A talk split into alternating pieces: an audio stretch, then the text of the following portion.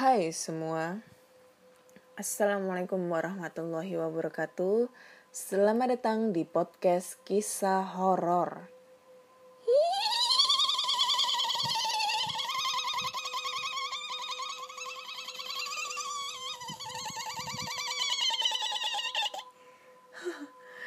Aduh, capek ternyata mau ketawa gitu ya. Kalian tahu kan, ketawa kayak gitu tuh harus mengambil satu kalikan tarif apa ya, satu kali tarikan nafas. Jadi selain ngap juga ketawa kayak gitu juga ini ya merinding-merinding sendiri. Oke, masih bersama dengan Ana di sini yang akan membacakan cerita-cerita horor email berhantu yang sudah dikirimkan teman-teman melalui podcast kisah horor at gmail.com ataupun di DM Instagram Ana Olive atau DM Instagram podcast kisah horor. Dan sebelum itu aku mau mengingatin dulu ya jika kalian mempunyai cerita-cerita horor yang sekiranya itu menurut kalian serem, entah itu cerita dari kalian sendiri atau mungkin dari pengalaman saudara, temen, kakek, nenek, adik, kakak, atau orang tua kalian, kalian bisa langsung aja kirim ceritanya melalui podcast kisah horor at gmail.com atau di DM Instagram podcast kisah horor dan DM Instagram Ana Olive. Dan jangan lupa ya di follow de apa Instagramnya podcast kisah horor. Soalnya baru 9 orang nih followersnya diramaikan dong supaya bisa ke up nih Instagram podcast kisah horor. Dan lagi podcast kisah horor sekarang udah eksklusif di Spotify, Google Podcast, Apple Podcast, ataupun di Anchor. Jangan lupa kalian follow podcast kisah horor agar kalian selalu update tentang cerita-cerita horor terbaru. Nah ini udah banyak banget email yang masuk ya nggak banyak banget lah ya pokoknya adalah alhamdulillah masih dipercaya oleh teman-teman semua untuk dibacakan cerita horornya di podcast kisah horor ya. Dan hari ini adalah hari Rabu tanggal 17 Juni 2020 jam 1 lewat 1 dini hari. Ya, seperti kalian tahu ya, aku lebih seneng membacakan cerita itu di jam 1 lewat 1 jam pokoknya lewat jam 12 ya karena selain aku menghindari kebisingan di luar seperti suara motor, suara tetangga yang sering gibah ya kan, mulut-mulutnya pada gibah semua.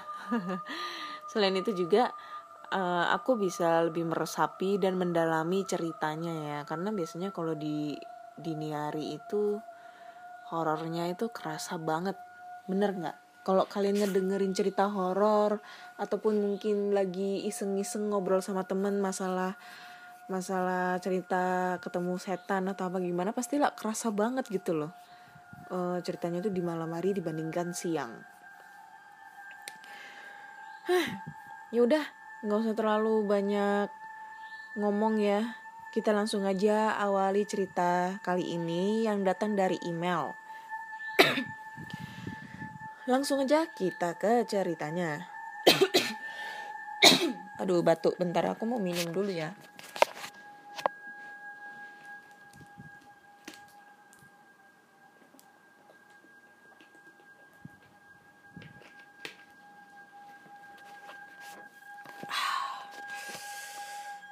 Mantap. Oke. Okay. Cerita pertama datang dari email yang tidak mau disebutkan namanya. Oke, langsung aja kita bacakan ceritanya. Halo podcast kisah horor, halo juga. Aku mau bercerita nih tentang pengalamanku pada saat berkemah.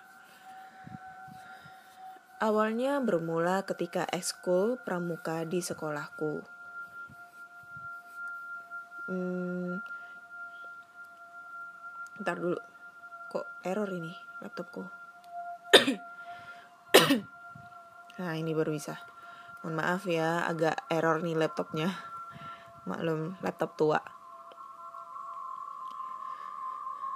Awalnya bermula ketika ekskul pramuka di sekolahku mengadakan camping di luar sekolah di bumi perkemahan Cimandala, Bogor. Camping diadakan selama tiga hari dua malam Malam pertama, aku tidak terlalu diganggu oleh mereka.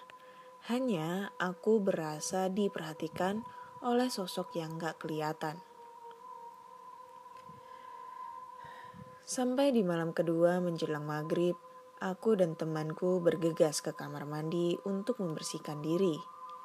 Setelah satu harian, berjalan menyusuri kampung bersama-sama teman-teman dan kakak pembina. Di perkemahan itu terdapat dua lokasi kamar yang berbeda.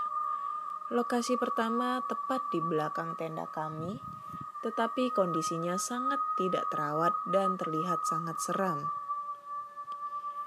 Di sana terdapat empat, empat kamar mandi yang saling berdampingan.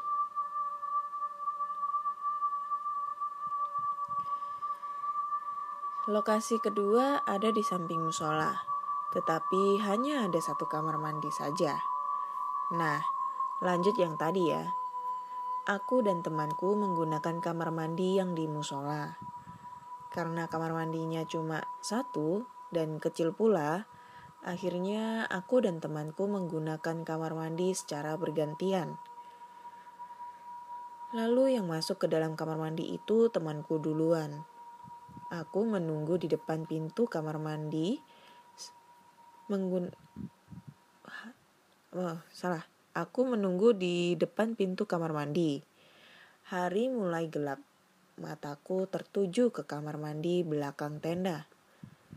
Seperti ada sepasang mata yang selalu memperhatikanku. Tiba-tiba aku langsung merinding. Aku menyuruh temanku untuk lebih cepat. Aku sudah mulai sangat takut pada saat itu dan temanku berteriak, "Sial, lampunya mati." Lalu tidak lama temanku keluar kamar mandi. Gantian aku yang masuk. Karena lampunya mati, aku hanya cuci muka dan mengganti baju saja. Nah, saat aku mengambil baju di cantolan kamar mandi, aku seperti memegang bulu yang sangat lebat. Semakin deg-degan saja aku saat itu. Untung baju yang digantung ketemu. Kemudian aku buru-buru memakai baju dan cepat-cepat pergi dari kamar mandi tersebut. Malam harinya, saat sedang acara api unggun, aku melihat sosok berbulu yang hitam dan sangat besar di antara pepohonan. Semakin takut aku saat itu, perasaanku campur aduk saat itu. Tidak lama kemudian, acara api unggun pun selesai. Kami kembali ke tenda masing-masing. Dan waktu itu aku melihat jam tanganku. Waktu sudah menunjukkan pukul 12 kurang. Karena takut bercampur ngantuk, akhirnya aku berusaha memejamkan mata. Tapi sialnya, aku tidak bisa tidur.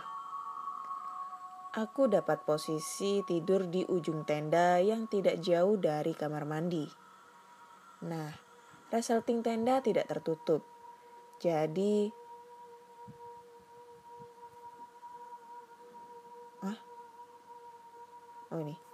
Jadi sangat terlihat jelas kamar mandi itu. Saat mau menutup tenda, kemudian tiba-tiba ada sosok mata merah keluar dari kamar mandi menghampiriku. Semakin dekat sosok itu terlihat jelas melayang dengan kepala dan usus tanpa badan. Begitu jelas terlihat di mataku.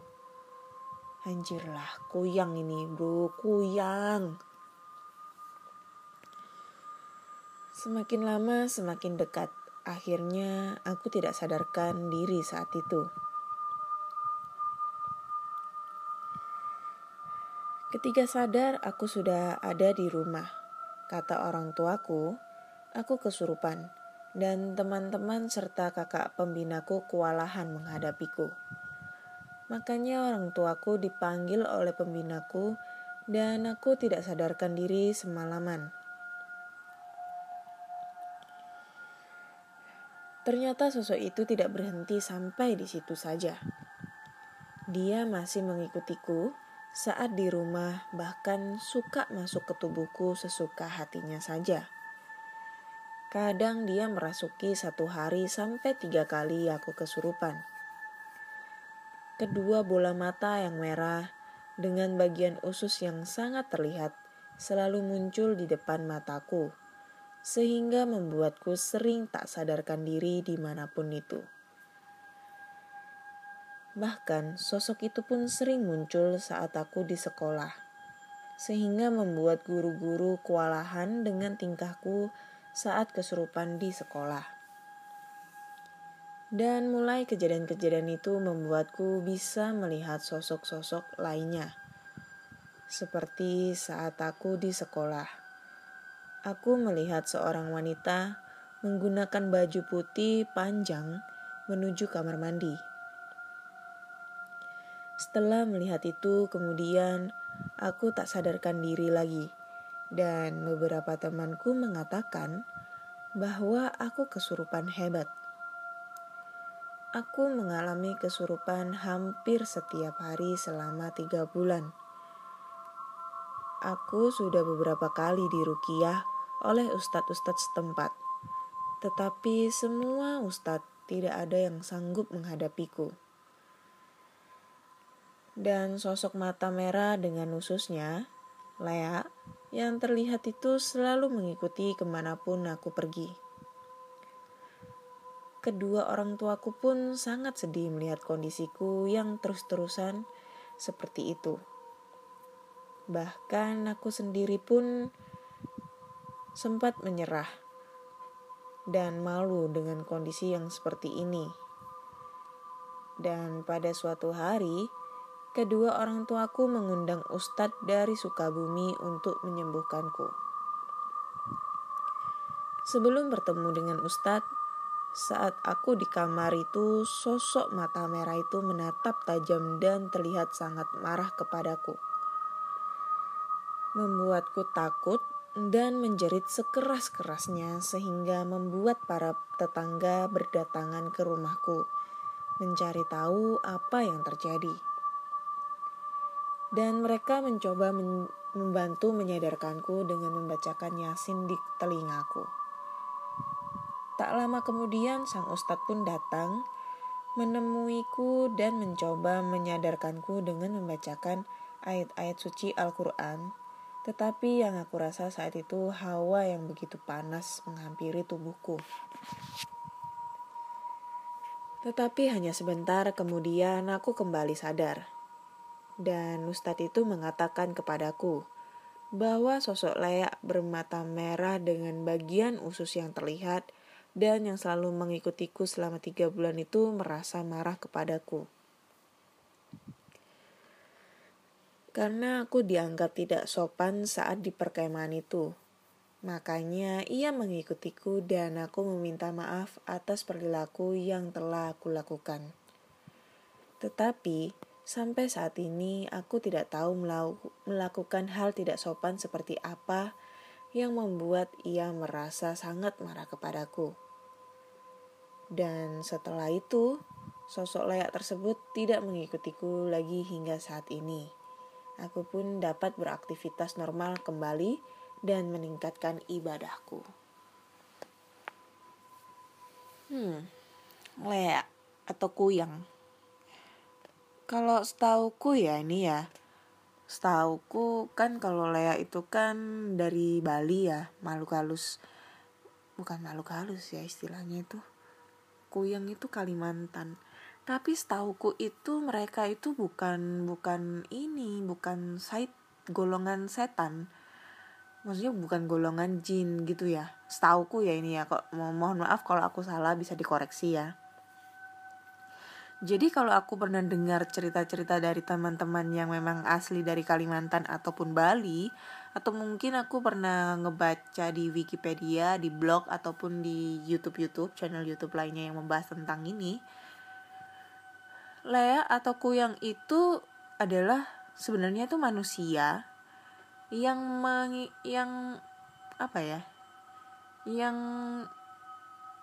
belajar ilmu hitam untuk sesuatu tujuan mungkin kekebalan tubuh atau mungkin awet muda uh, atau mungkin kekayaan kayak gitu ya itu setahuku jadi mereka berkeliaran itu untuk mencari mangsa. Dan biasanya mangsanya adalah uh, ari-ari ari-ari bayi ataupun ini bayi yang masih dalam kandungan seperti itu untuk dijadikan tumbal. Yang saya tahu sih itu ya. Jadi dia tuh masih berupa manusia yang belajar ilmu hitam untuk kepentingan mereka yang tidak baik seperti itu. Ya kalau aku salah mungkin bisa dibenarkan. Dan mungkin yang dilihat dari mbaknya ini adalah mungkin jin jin atau setan yang yang menyerupai gitu kan yang menyerupai yang menduplikat sosok makhluk tersebut gitu. Jadi setahuku sih kalau layak itu nggak bisa nggak bi layak itu nggak bisa ini ngerasuki tubuh orang setahuku kayak gitu loh ya. Maksudnya buat orang kesurupan itu nggak bisa gitu setahuku kayak gitu ya. Mungkin kalau aku salah mungkin bisa dibenarin ya. Dan juga kalau kesurup oh, anjir lah. Kesurupan. Aku dulu pernah mengalami namanya yang kesurupannya ya dulu aku pernah cerita uh, waktu zaman SMA itu aku pernah ngalami kesurupan gara-gara ada salah satu temanku meninggal pada saat kegiatan MOS masa orientasi siswa dan kebetulan tempat sekolahnya ini angker banget gitu kan. Kan kita diwajibkan tidur di asrama waktu itu. Benar guys. Jadi waktu aku pertama kali me, apa ya e, mengalami kesurupan itu yang aku rasakan yang pertama itu adalah aku masih ingat banget kejadiannya tahun 2007 itu ada kayak ini yang bisik-bisik gitu di telinga. Terus panas gitu ya di telinga sisi, sisi kiri dia tuh kayak bisik. Bisiknya itu nggak jelas bisiknya itu kayak kayak orang bergumam kayak model orang bergumam gitu deh. Gitu gitu. Terus panas tapi panasnya cuma sisi kiri. Lalu tiba-tiba itu ada hembusan hembusan angin kenceng padahal nggak ada angin nggak ada angin ya kayak kayak gimana ya model anginnya itu ya kayak gitulah. Terus aku ngelihat ada kayak cahaya putih nabrak nabrak ke aku lalu aku nggak sadarkan diri. Nah kata teman-teman pada saat aku kesurupan ini cerita dari teman-teman ya. Kan aku nggak tahu waktu kesurupan karena memang waktu, waktu kesurupan itu nggak sadarkan diri. Jadi aku kayak ngerasa ada di suatu taman terus ketemu sama temanku yang meninggal itu kayak diajak ayo ikut aku gitu. Tapi aku nggak mau gitu. Jadi kata teman-temanku waktu itu aku kesurupan di asrama putri itu teriak-teriak itu kenceng banget sampai kedengeran di jalan raya. Padahal jarak asrama putri sampai ke jalan raya itu sekitar 10 15 meter lah. 15 meter ya eh lebih lah. Ada 100 nggak sampai 50 meteran lah sekitar 50 meteran lebih. Tapi suaranya itu kedengeran sampai sampai di luar. Dan pada saat teman-temanku ngaji membaca surat yasin di musola dan jaraknya dan jaraknya musola dengan asrama putri itu cukup jauh. Cukup jauh sekitar jarak 5 meteran dan yang ngaji itu nggak satu dua orang tapi banyak sekitar ada 30 orangan dan mereka itu mengajinya itu dengan suara keras. Itu bisa dikalahkan dengan teriakan satu orang itu katanya. Katanya sih seperti itu ya aku nggak tahu untuk spesifikasinya. Dan pada saat aku sadar dan pada saat aku sadar itu badanku tuh capek semua kayak berasa digebukin tanganku itu kayak kemeng bahasa kemeng itu apa ya? Pegel gitu sakit gitulah linu-linu. Badan itu kayak pokoknya kayak ditonjokin gitu sakit. Terus badan itu penuh dengan garam. Habis itu kaki jempol itu sakit semua gitu deh katanya sih. Kalau mengeluarin ngeluarin sosok makhluk halus itu harus dipencet jempolnya gitu sih. Nggak tahu mungkin kalian pernah mengalami kesurupan juga apa mungkin pengalamannya sama kayak apa yang aku pernah alamin kalian bisa langsung aja cerita ya dan kirimkan ceritanya ke podcast kisah horor. Iya, mantap. Oke, terima kasih ceritanya buat Mbak yang mau disamarin namanya. Kita lanjut ke cerita kedua.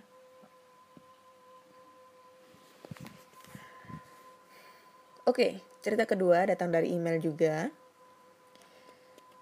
Cerita ini dimulai ketika teman baruku mengundangku makan siang di rumahnya. Sebelumnya kami membeli beberapa bahan makanan di minimarket, lalu setelah itu pergi ke rumah temanku menggunakan motor. Santi namanya. Dia tinggal berdua dengan ayahnya di sebuah komplek perumahan yang disediakan khusus untuk dosen sebuah perguruan tinggi. Rumah itu sudah dibangun sejak zaman Belanda terlihat dari arsitek bangunan yang sudah tua, juga susunan rumah yang menunjukkan tingkatan derajat.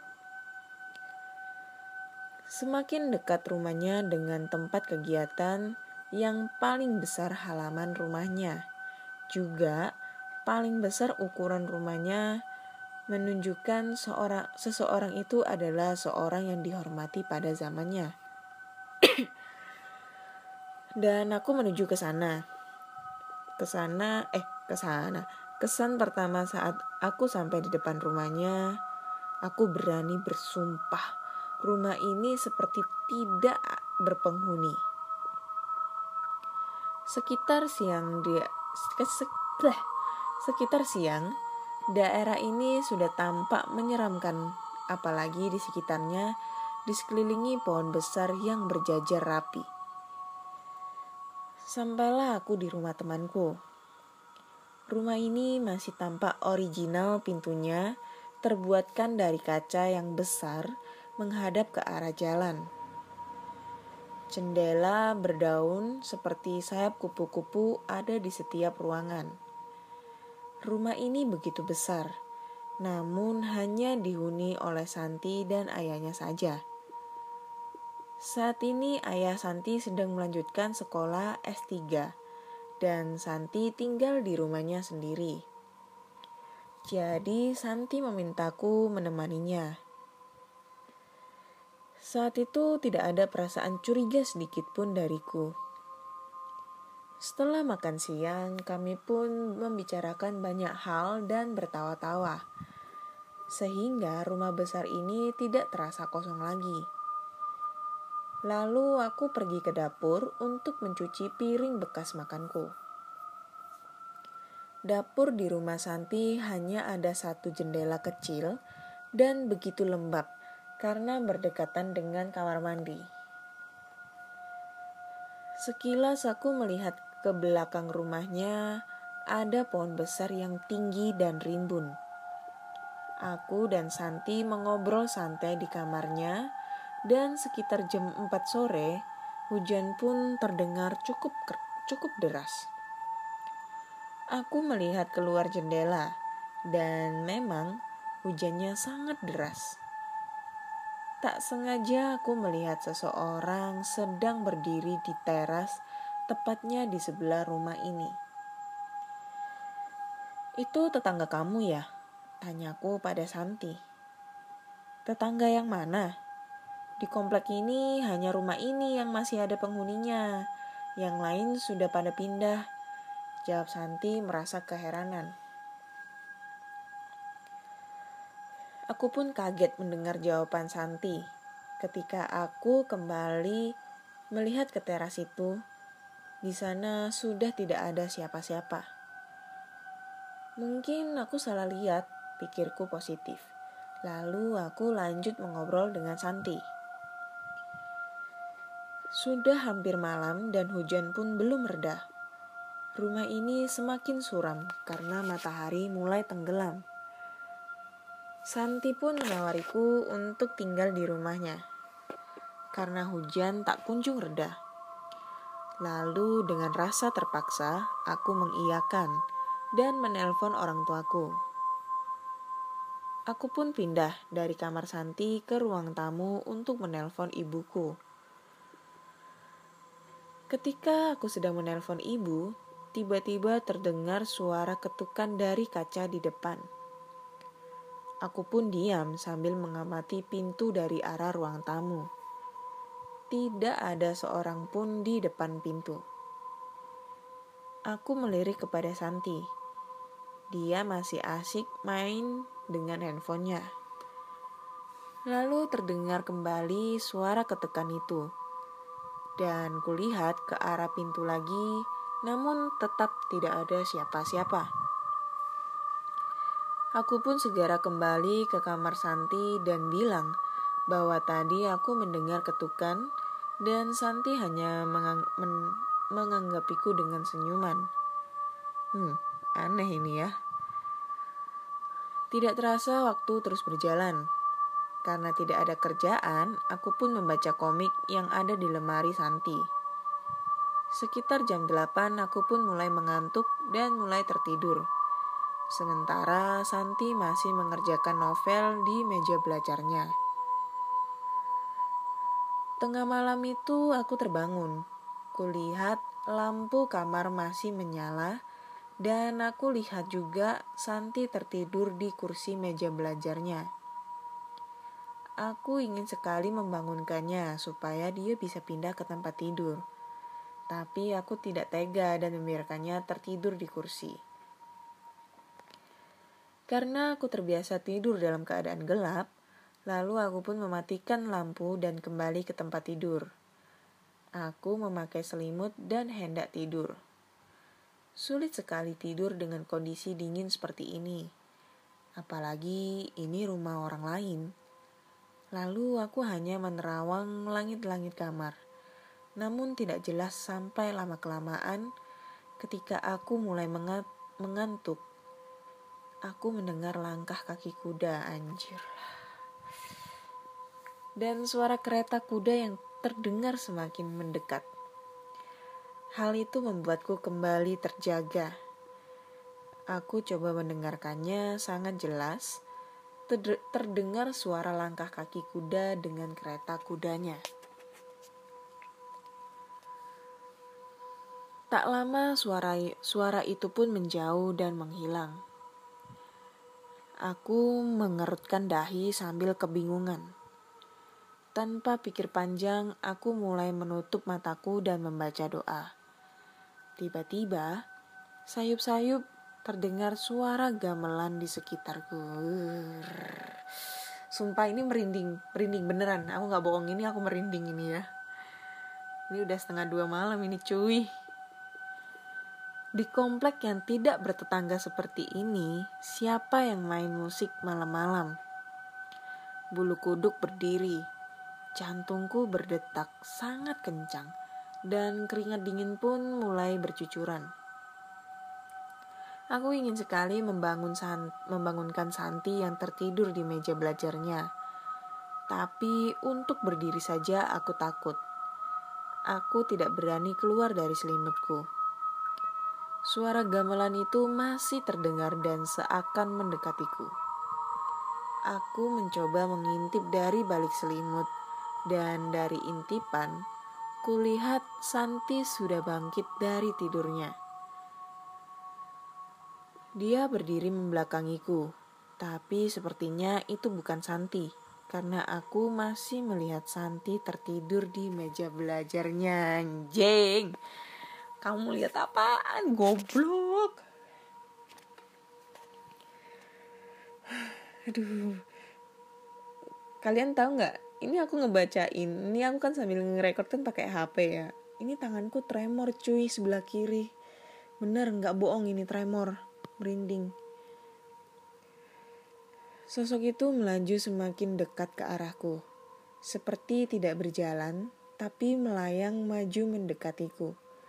Dan semakin lama sosok itu semakin mendekat. Dan astaga dari cahaya kilat petir tadi terlihat wajah sosok itu.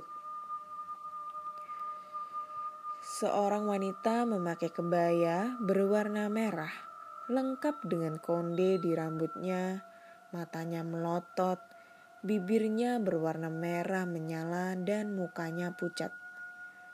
Wanita berkebaya merah itu kini mengangkat tangannya. Terlihat jari-jari dan kuku yang sangat panjang menuju ke arahku. Badanku tidak bisa bergerak. Wanita itu menyodorkan badan badannya. Mukanya semakin mendekatiku sambil matanya melotot sangat besar. Dan dia tersenyum sambil menggeleng-gelengkan kepalanya sambil bersenandung. Hmm. Aduh, ke kepalanya digeleng-geleng. Oke, aku bisa membayangkan ya kepalanya digeleng-geleng. Lalu dia tertawa dong.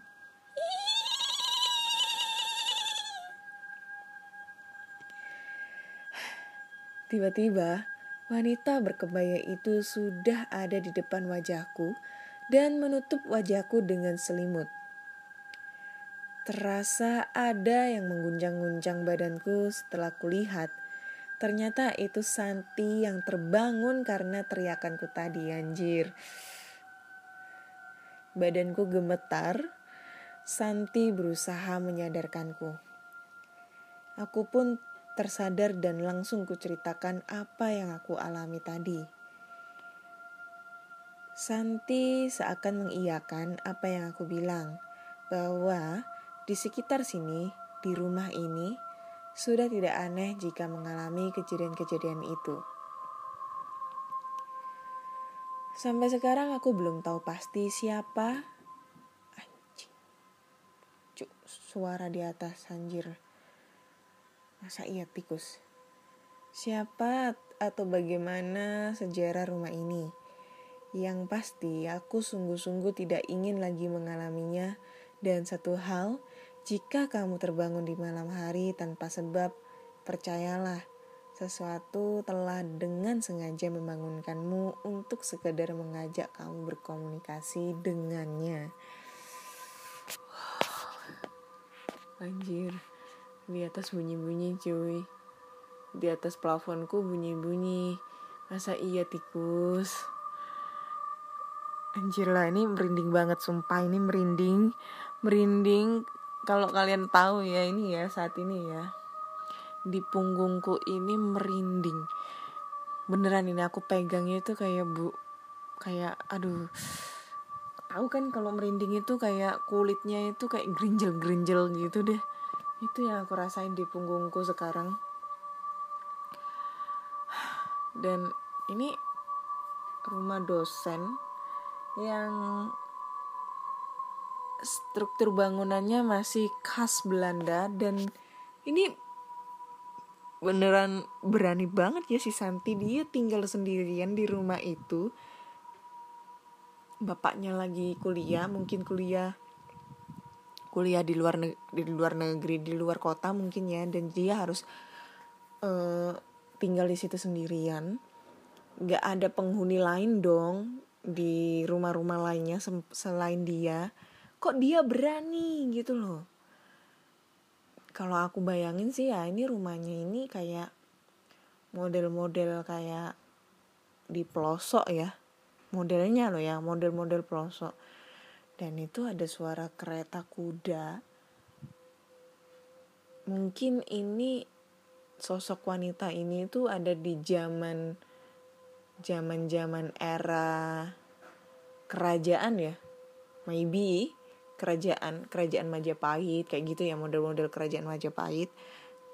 Kalau zaman Belanda juga masih ada sih ya kereta-kereta gitu. Kereta-kereta kuda. Mungkin pas di area Jawa Tengah gitu ya ada sih kereta kuda kalau di area Jawa Tengah kalau di area Surabaya Jawa Timur nggak ada deh anjir sumpah itu serem banget wanita berkebaya merah, mata melotot, kukunya panjang. Uh, my gosh. Itu mungkin dia mau kenalan gitu ya sama penghuni penghuni baru. Secara kan si temennya si temennya Santi ini dia itu kan nemenin si Santi buat nginep gitu kan. Nggak bisa nggak bisa ngebayangin aku deh. Sumpah ini serem. Serem banget ini. Serem banget. Nggak aduh iya aduh aduh, nggak bisa berpikir deh. Oke oke terima kasih buat ceritanya ya si temennya Santi menurut kalian gimana guys ini ceritanya? Aduh aku serem sih ya. Ini sumpah ceritanya serem. Yang pertama juga lumayan karena yang pertama itu kita belum tahu uh, apa ya maksudnya itu awal mula dia bisa kesurupan dan penghuninya marah itu karena apa juga kita belum tahu itu. Asli ini cerita kedua ini. Serem banget. Oke kita lanjut aja ke cerita terakhir cerita ketiga jadi, cerita ini kejadian dari beberapa peristiwa di kampungku yang aku rangkum jadi satu. Dan terjadi ketika aku masih kelas 1 SMP. Langsung saja ke cerita. Di kampungku ada seorang pedagang di pasar yang cukup sukses dan kaya pada masanya. Tapi, sayang, pedagang tersebut dalam memagari dagangannya menggunakan jasa genderuwo. Jadi di sini genderuwo tersebut akan menjaga dagangannya sang majikan ketika sang majikan tak ada di tempat. Seolah-olah tak pernah kosong orang. Hal itu tanpa diketahui oleh anak-anaknya. Singkat cerita, pedagang tersebut sakit-sakitan Gendruwonya tak ada yang mengurus atau terlantar. Sering muncul dalam wujud yang mengerikan, tidak menyamar manusia lagi, dan meneror tetangga sekitar. Akhirnya, ada orang pintar yang berani menanyakan pedagang tersebut. Di sinilah terungkap kalau dia memelihara gendruwo. Dengan bantuan orang pintar tersebut, dibuanglah gendruwo peliharaan si pedagang tapi masalah tak selesai di sini. Si Gendruwo balik lagi dan balik lagi ingin balas dendam. Entah suatu kebetulan atau memang kehendak yang kuasa. Pedagang tersebut meninggal dunia dalam keadaan seperti tercekik dan ada tanda bekas telapak tangan di lehernya. Dari sinilah teror seluruh kampung terjadi. Tanpa diketahui anak-anaknya juga ternyata pedagang tersebut juga menjadi rentenir. Hal itu diketahui dari pengakuan orang-orang yang berhutang padanya. Karena mereka didatangi hantu pedagang tersebut. Kadang wujud seperti manusia semasa hidupnya, kadang wujud pocong yang masih lengkap dengan kapas yang menempel di mata, mulut, dan hidung. Dan ini pengakuan salah satu penghutang. Sebut saja namanya Muki. Sore itu menjelang maghrib, rumah Muki sudah ditutup. Tiba-tiba ada yang ketuk. Begitu dibuka tak ada orang. Sampai berkali-kali hingga azan maghrib baru berhenti.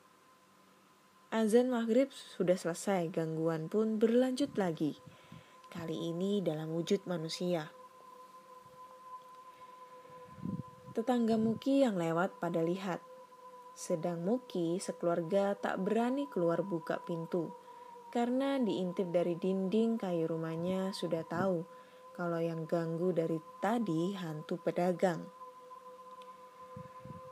Hantu berdagang tersebut mondar-mandir di teras rumah Muki sampai azan Isya. Akibatnya Muki sekeluarga tak berani sholat berjamaah di musola. Singkat cerita, jam menunjukkan pukul sebelum 10 malam. Tiba-tiba di teras rumah Muki terdengar suara seperti nafas ayam yang kena flu. Begitu diintip dari lubang dinding, bikin Muki tak bisa bergerak. Kali ini dalam wujud pocong. Suaranya terdengar mengitari rumah. Tetangga Muki pun mendengar semua. Tak ada satupun yang berani keluar untuk melihat. Kejadian tersebut berulang setiap hari. Karena Muki sudah tak tahan dengan gangguan itu, maka dilunasilah utangnya yang dikasih ke anak pedagang itu. Tak lupa dia ceritakan yang dialami Muki. Tapi anak pedagang tak percaya bahkan Muki dimarahinya. Berikutnya dialami adik kelasku waktu itu menjelang maghrib juga. Biasanya, untuk sholat berjamaah di musola, anak-anak di kampungku berangkat rame-rame. Hari itu, dia tertinggal karena dia wudhu di rumah. Dia lewat gang sempit jalan tercepat menuju musola tampak ada kawannya yang sudah memakai mukena masih tertinggal juga tapi posisi di depan Tia. Sambil tergesa-gesa Tia teriak, Nis, dikira Anis. Tungguin aku. Lalu yang dikira Anis berhenti. Sambil benerin kerudung, Tia mengambilnya Alangkah terkejutnya dia begitu berada di sampingnya. Ternyata pocong pedagang. Tia langsung berbalik arah pulang sambil menangis. Tambah heboh lah ceritanya. Selanjutnya, malam itu Parmin, giliran ronda malam. Tiba-tiba perutnya mulas. Padahal jam sudah hampir jam 12 malam berarti waktunya keliling dan ganti pos. Karena sudah tak tahan, ia izin pulang dulu dan berpesan ke yang lain untuk ditinggal saja. Nanti dia menyusul langsung ke pos pergantian sebut saja pos B sedang saat ini nanti dia menyusul langsung ke pos pergantian sebut saja pos B sedang saat ini Parmin di pos A. Selain menenta selesai menentaskan hajatnya, Parmin langsung ke posnya. Ternyata beneran ditinggal. Langsunglah Parmin menuju ke pos B. Dalam perjalanan ke, bos, ke pos B, Parmin tak merasa apa-apa. Karena Parmin adalah orang yang pemberani. Tapi begitu sampai di pertigaan, dia mendengar seperti ada suara ayam flu. Makin lama makin mendekat. Dia sempat merasa tak nyaman. Antara lanjut, apa bak balik lagi. Dia putuskan lanjutkan saja. Tepat di tengah pertigaan dari arah kanan, ternyata ada pocong pedagang. Parmin langsung lari balik arah pulang tak jadi ke pos B. Di sisi lain, orang yang di pos B yang akan ke pos A juga melihat pocong di pertigaan. Mereka akhirnya balik lagi menuju pos B dan menceritakan kejadian tersebut ke orang yang dari pos A. Malam itu pos A terpaksa tidak ada yang jaga. Malam itu malam Sabtu kalau tak salah. Bapak giliran jaga di pos A bersama tiga bapak yang lain. Jam 10 malam, bapak berangkat dari rumah. Menjelang jam 12 malam, peronda keliling kampung sampai jam setengah dua malam.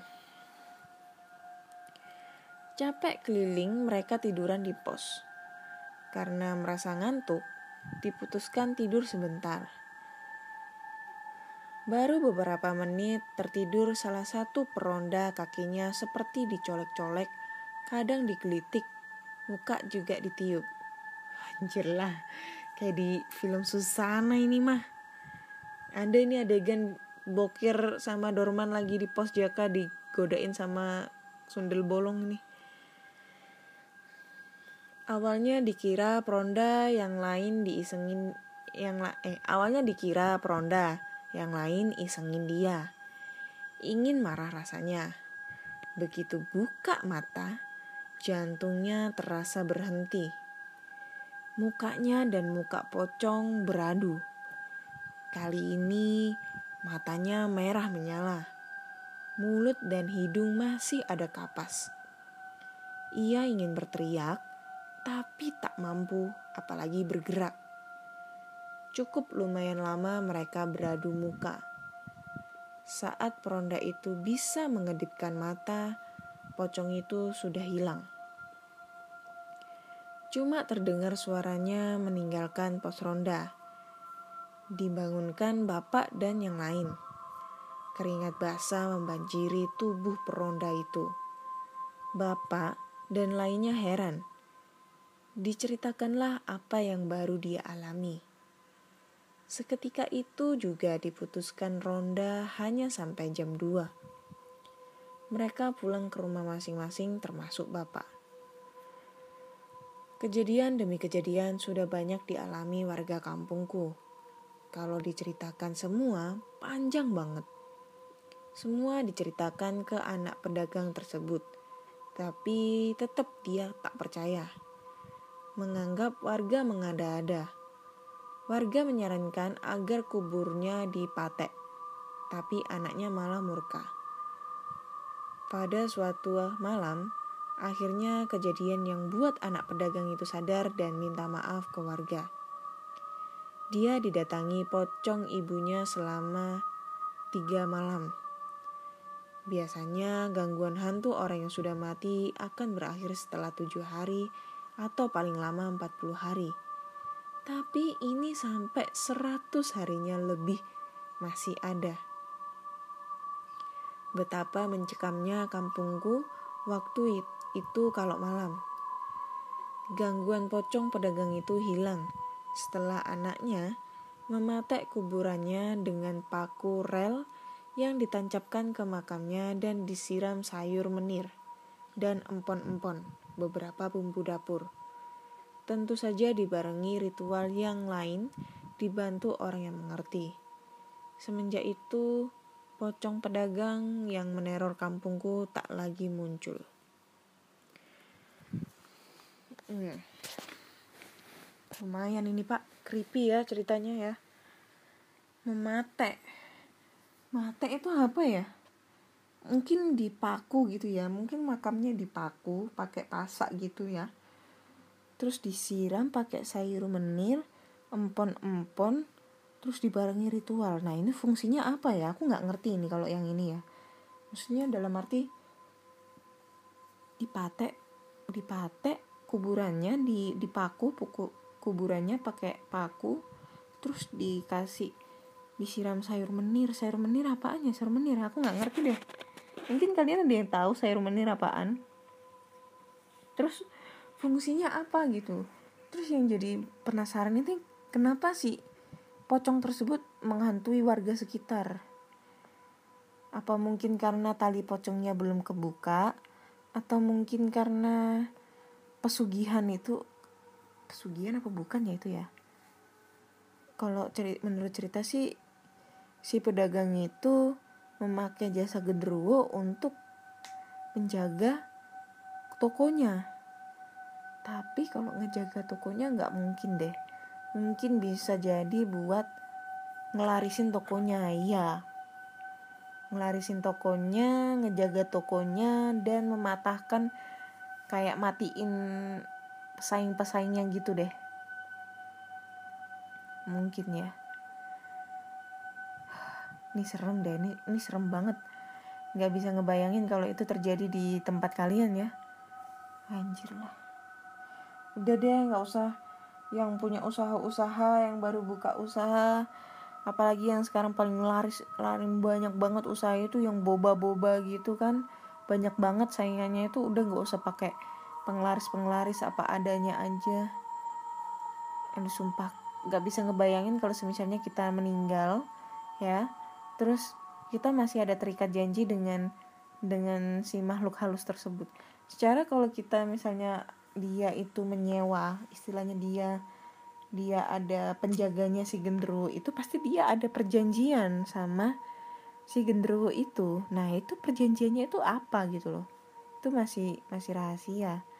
Dan juga itu antara dia meninggalnya dibunuh genderuwo atau mungkin dibunuh anaknya sendiri. Secara di lehernya itu di, ditemuin bekas tangan yang ngecekik lehernya. Secara anak-anaknya setelah setelah si orang tuanya itu meninggal anak-anaknya malah jadi rentenir cuy. Ya kan? Bisa jadi harta ini. Masalah harta. Gak tau lah. Oke ini udah 50 menit. Udah 50 menit aku udah nemenin kalian. Wih panjang ini Ini, ini podcast terpanjang aku 50 menit So, jika kalian mempunyai cerita-cerita horor yang sekiranya serem, kalian bisa langsung aja kirim cerita kalian ke podcast kisah at gmail.com ataupun di DM Instagram podcast kisah horor atau DM Instagram Ana Olive. Dan jangan lupa follow Instagram podcast kisah horor karena followersnya masih 9 dibantu follow dan jangan lupa kalian follow podcast kisah horor di Spotify, Google Podcast, Anchor ataupun Apple Podcast karena podcast kisah horor sudah eksklusif di empat platform tersebut. Jangan lupa follow supaya kalian selalu update tentang cerita-cerita horor terbaru. Oke? Cukup sekian, terima kasih. Sampai jumpa di episode berikutnya. Wassalamualaikum warahmatullahi wabarakatuh.